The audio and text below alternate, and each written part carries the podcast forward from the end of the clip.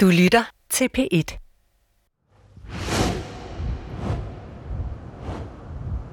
Uh, Raf beslutter sig på et tidspunkt, at han vil have en Ikaros vinge tatoveret på den øverste del af ryggen.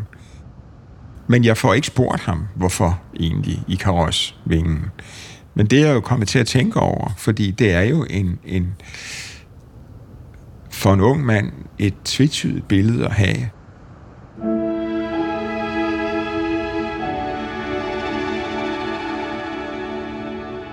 P1 præsenterer Carsten Jensen i krise.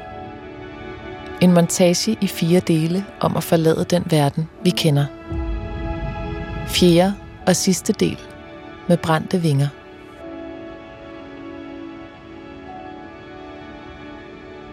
Den græske Ikaros-myte handler jo sådan set om Ikaros, som er en ung mand, hvis far konstruerer vinger til dem begge to. De flyver så op i luften, og faren advarer ham så mod at flyve for højt, fordi så kommer han for tæt på solen, hvis varme stråler vil smelte vokset, der holder fjerne fast, og så vil han styre det til jorden.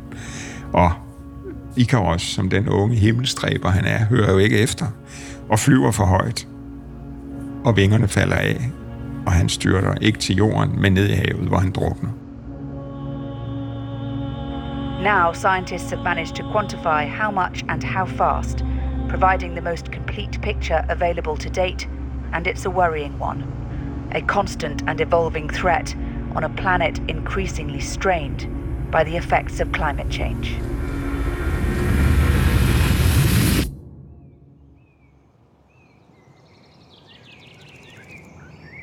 Sommer 2020, København. Solen varmer stuen op.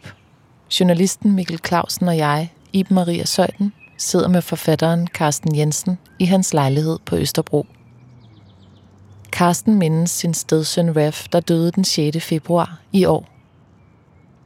Raf fløj ikke og styrtede ikke i havet, men han løb hen over savannen og faldt om. Carsten og hans kone Lis har åbnet dørene for os efter nogle måneder i sorg og isolation. Vi taler om sorg og sorgprocesser, og Karsten stiller spørgsmål ved, om sorgen overhovedet har et forløb. For hvis den har det, skulle det hele jo til sidst ende med at give mening og falde på plads. Da han tidligere på året arbejdede i Los Angeles, lejede han et hus. Da Raf døde, viste det sig, at husets udlejer også havde mistet et barn. En dag kom udlejeren forbi og sagde, I kommer igennem det, men I kommer aldrig over det. Et tab af et barn er jo noget, der binder to mennesker meget tæt sammen. Og hvis man ikke tænker, hvordan kommer vi videre, men bare, hvordan kommer jeg videre, så tror jeg faktisk ikke, at det holder. Øhm, fordi jeg oplever jo meget af sådan en oplevelse af kun noget, man kan håndtere, hvis man gør det i fællesskab. Og det er bare ikke min søn. Og det gør jo selvfølgelig en forskel. Men jeg talte med på et tidspunkt med min datter, som spurgte mig, hvis det nu havde været mig, og så sagde han, at jeg vil være helt ærlig, så ved jeg, ved jeg faktisk ikke, om jeg havde lyst til at leve videre. Og jeg ved jo, at det er sådan, Rafs mor har det. Det er sådan, Lis har det. Og pludselig bliver livet, jeg vil sige, en pligt. En opgave. Det betyder ikke, at der ikke kan være glæde og lyst også, for det både kan og skal der. Men det er også et helt ukendt terræn, man bevæger sig ind i. Vi sidder begge to, især Lis, og læser bøger om sorg. Og det er jo godt at ligesom måle sine egne erfaringer med andres. Men det er også en vej, man selv skal finde. Og jeg tror ikke på, altså, at sorg er Øh, en sygdom eller en diagnose, som en, en hverken medicin eller en professionel vejleder skal hjælpe en igennem. Andre, der har oplevet det samme tab, er gode at lytte til. Men, men det handler om at genopfinde sit liv, genopfinde grundene til, at man er her. Og det er der jo mange gode grunde til. Carstens stedsøn Ref var klimaaktivist og var en del af klimabevægelsen Extinction Rebellion. En omdiskuteret og særdeles målrettet bevægelse, hvor man ikke er bleg for at bruge civil ulydighed eller bryde loven for at gøre opmærksom på sin sag. Ref havde langt rødt hår og en vinge tatoveret på skulderen. En vinge inspireret af den græske myte om Ikaros. I den fortæller Ikaros' far sin søn, at han ikke skal flyve for højt op. Ikaros må ikke komme for tæt på solen, hvis han vil undgå at brænde vingerne. Men i det, han svæver op mod verdensrummet, bliver han grebet af et ekstremt livsmod. En appetit på muligheden af at fortsætte op, som han ikke kan modstå. Han er svimmel af lykke, og himlen er så tæt på, tænker han.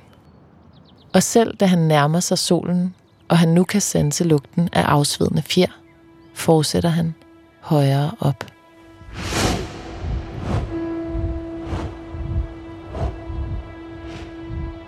Hvis vi ligesom taler om, hvordan ser den bæredygtige verden ud, så kan vi jo godt kaste os ud i nogle fantastiske utopier om vores nye, fornuftige, ligefrem ædle levevis, hvor vi omgås naturen og hinanden på en helt anden måde. Og utopier er jo altid farlige, fordi de stiller ideelle krav til os. Så vi skal nok også være pragmatiske og sige, at vi vil altid blive ved med at være tossede og åndssvage. Og det skal vi også have lov til. Vi skal bare være tosset og åndssvage på en bæredygtig måde.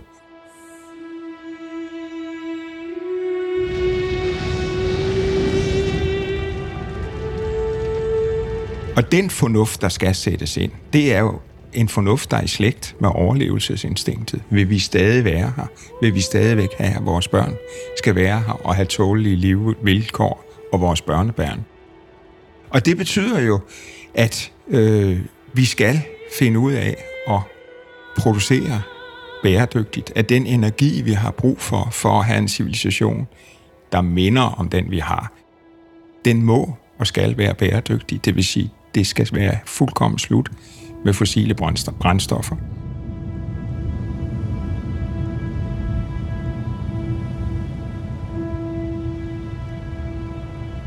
Hvis de ikke vil stoppe, så må vi, hvis vi vil overleve som menneskehed, det er jo et imperativ. Tag dramatiske midler i brug. Kriminalisere den, sådan at bestyrelse og direktion simpelthen får valget mellem at tilbringe resten af livet i fængsel, eller holde op med at stå for det, de står for. Eller, hvis det skal blive helt vildt, lande uden for demokratisk kontrol som Saudi-Arabien, bombe deres oliefelt og sønder sammen. Så det er slut, hvis de ikke forstår det.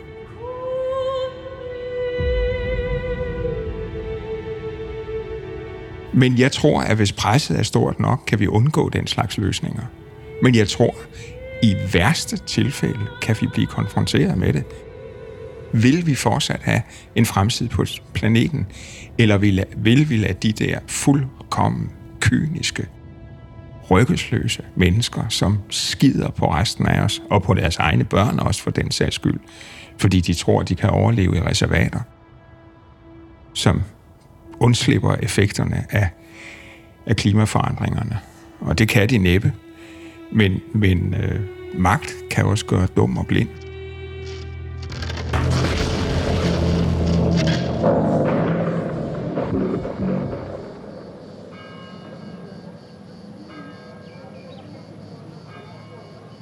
Jeg vil tro, Raf har været, jeg kan ikke huske det nøjagtigt, 11-12 år, 13-14, lad os sige 12, indgå et kompromis og sige 12. Og vi er i Sydfrankrig, en sommer. Vi har gået en tur i en nærliggende skov, og øh, der er så sådan en bræt klippekant i nærheden af den sti, vi går af. Og der er et rådyr eller dårdyr, som er som er faldet styrtet ud over kanten og er styrtet ned ligger død for fødderne af os. Og Raf vil gerne have, at vi tager det med hjem. Og det gør vi så. Og så vil han gerne flå det. Og altså, han er jo bare en dreng. Men det er hans sådan nysgerrighed, jeg vil også sige uforfærdighed. Så han får en kniv og begynder så at flå det her dyr og tage huden af det. Og lærer så, finder ud af, hvordan man garver sådan en stykke hud, så den altså ikke rådner og kommer til at stinke forfærdeligt. Og det bruger han en eftermiddag på. Det foregår i haven til det hus, hvor vi er, og øh, hvor det så er blevet spændt op på et sømmet fast til et bræt, simpelthen. og, og der står han så hele dagen og arbejder med det der. Og øh, indimellem beordrer han sin mor til at gøre forskellige ting. Han beordrer ikke mig til at gøre nogle ting, fordi han ved, at jeg er håbløst klodset og formodentlig vil ødelægge det hele. Jamen, altså, man, når, man, når, jeg, jeg stod, når jeg stod og så på ham der i haven med det døde råtyr, så vidste jeg jo om mig selv, at jeg hverken som barn eller voksen nogensinde ville have gjort noget af det her. Jeg havde ikke haft den form for hverken nysgerrighed eller mod, eller lyst til at afprøve mig selv på det. Og det havde jeg sikkert heller ikke, fordi jeg ville være bange for at lide nederlag. At det kunne jeg ikke finde ud af. At det ville jeg på en eller anden måde fucke op. Og den angst for at lide nederlag havde han slet ikke. Han gik bare i gang med det. Og prøvede sig frem. Og lærte jo af det. Og det var jo sådan noget, jeg stod og tænkte og lagde mærke til. At, at øh, der var, hvad jeg vil kalde, en, en livsdygtighed i det. Og det synes jeg var øh, meget bevægende at overvære. I ham så jeg ligesom en, en anden måde at være dreng og menneske på, end jeg selv havde været og selv var.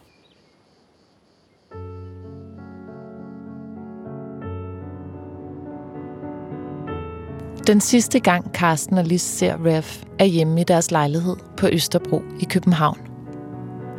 Det er december 2019, omkring en måned før Rev dør.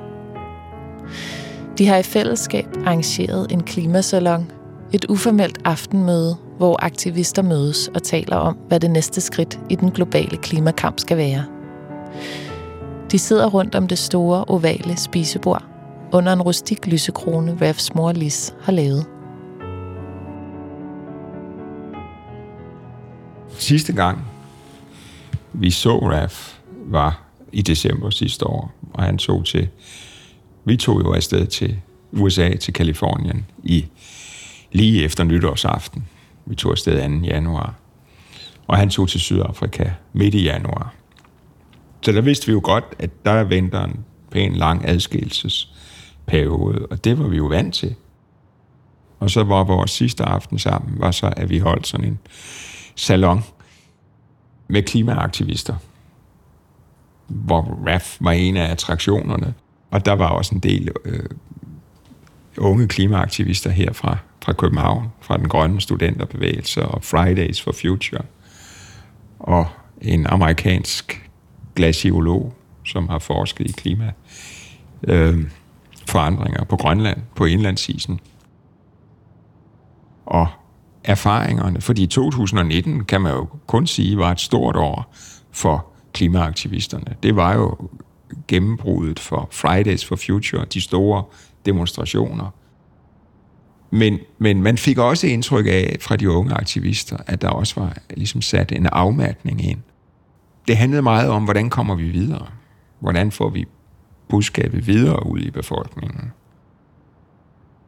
Og jeg øh, var sådan set lidt til min egen overraskelse optimisten, fordi jeg ligesom sagde, jeg vil da også godt minde jer om, at, at øh, I jo faktisk har vundet store sejre i år, eller vi har, og ikke mindst her i Danmark. Så vi står jo allerede på ryggen af et momentum, der er i gang. Det er jo ikke sådan, at vi begynder på bare bund. Og der var så forskellige indlæg, og vi diskuterede alle sammen.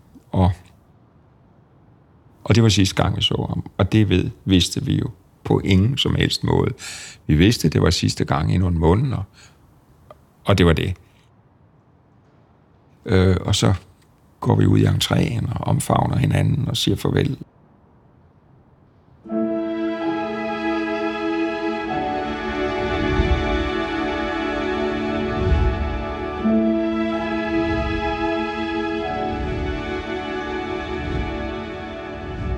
Ikaros har så også spillet et, et, en rolle som motiv i min seneste bog fra 2019, som hedder Hovedspringer og handler om flygtninge.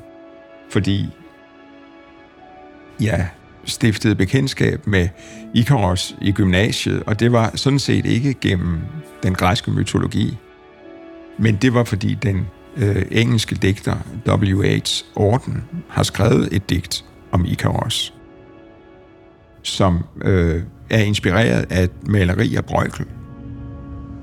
Og det viser så øh, Ikaros i det øjeblik, da han rammer havet, omgivet af fjer. Og det særlige ved maleriet er, at der er mennesker hele vejen rundt om ham, og de ignorerer ham alle sammen. Der er en bonde, der pløjer sin mark. Det er mere interessant at være fokuseret på ploven og hestene, der trækker den. Der er en fisker, hvis snøre ikke ligger langt fra nedslagstedet. Han er også helt ligeglad. Der er et helt skib, der sejler forbi. De kigger alle sammen i den anden retning. Og øh, Orden ser det så som et billede på vores evne til at ignorere andres lidelser, til at være ligeglade, til at være mere optaget af vores egne aktiviteter.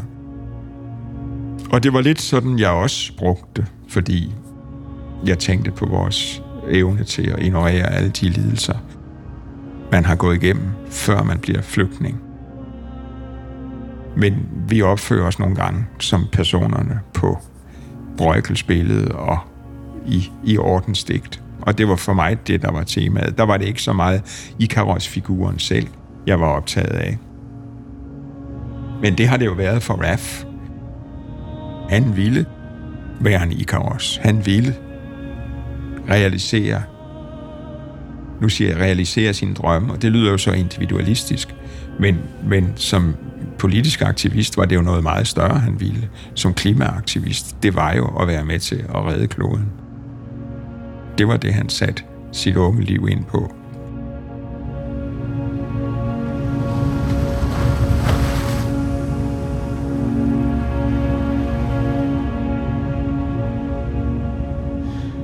Ikaros er tæt på solen nu.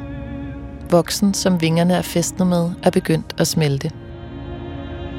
Ikaros ved det, men han fortsætter sin færd. Nu glider den ene vinge af. Tilbage er en enkelt vinge på den anden skulder. Nu falder den også af. Ikaros styrter. Han ser havet som en blank overflade af blik, men som han nærmer sig, kan han se, at havet har krusninger. Han bryder havets flade, da han lander. Man ser folkene omkring stå og kigge uden at gøre noget. Det er os. Vi ser tavse til, mens vi selv, menneskeheden, står for fald.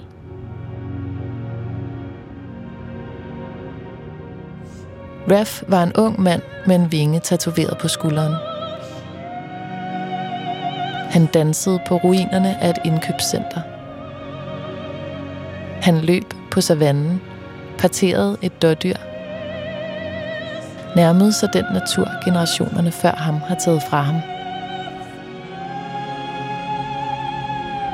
Men hvor der er mening at hente i fortællingen om Icarus' fald, findes der ingen mening at hente i Rafs død.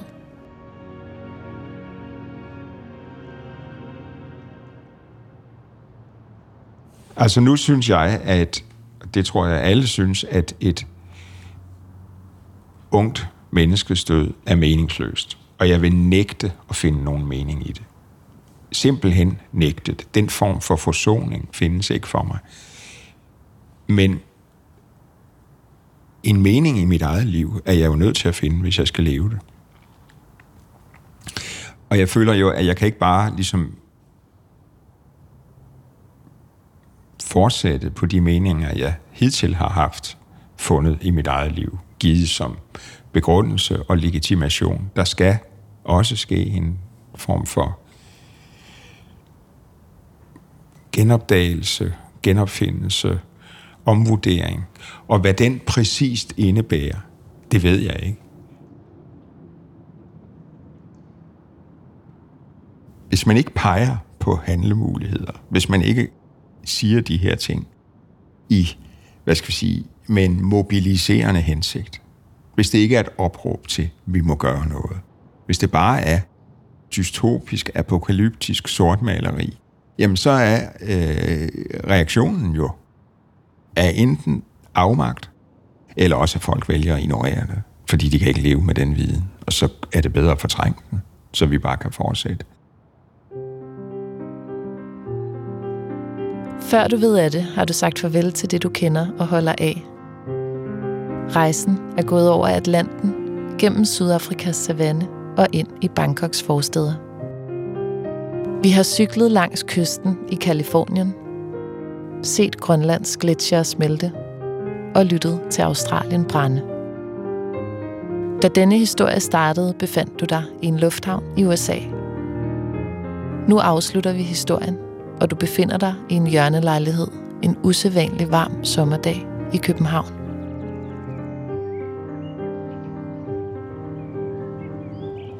Ja, altså for eksempel har vi stående her øh, to lysestager, som er meget specielle. De er marokkanske, og de er lavet af bukkehorn. Store, flot svungne, kraftfulde bukkehorn. Og øh, vi købte dem i 2002 under et besøg i Marokko, hvor Lises mor stammer fra. Og øh, de første mange år af vores samliv boede vi adskilt. Lise i London, jeg i København. Og så havde en af lysestagerne stået i London, og den anden stod her hos mig i København. Og det var sådan ligesom, et, der lå et løfte i dem. En dag skal de stå ved siden af hinanden, ligesom vi skal leve sammen under samme tag en dag. Og så en dag blev de jo så bragt sammen. Og øh, så de er sådan et, et livsvidensbyrd, vil jeg sige, udover at jeg synes, de er æstetisk meget smukke og usædvanlige. Men samtidig er de også et stykke livshistorie.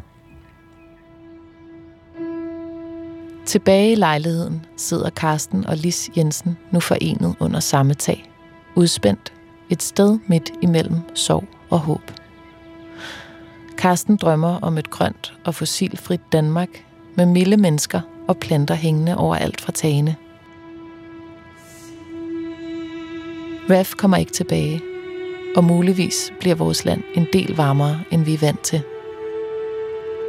Men måske får vi lov at beholde dele af den verden, vi kender og holder af. Det er det, Karsten og Lis håber, og på den måde bærer de RAFs ånd med sig videre.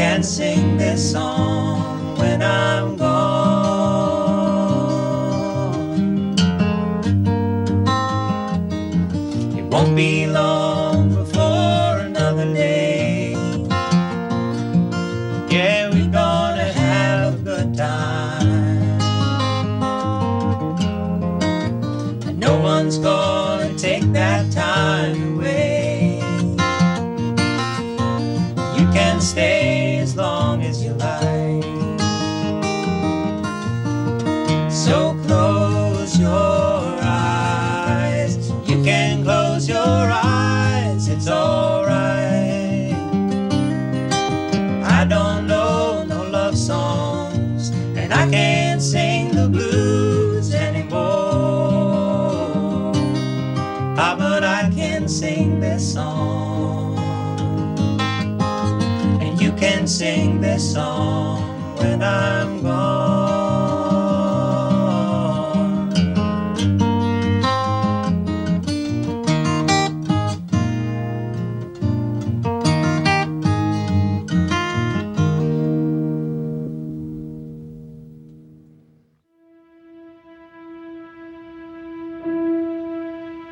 Har lyttet til Carsten Jensen i krise, fjerde og sidste del med brændte vinger. Tilrettelæggelse og indtaling Iben Maria Søjden. Idé, tilrettelæggelse og redaktør Mikkel Clausen. Klip og mix Jakob Helt.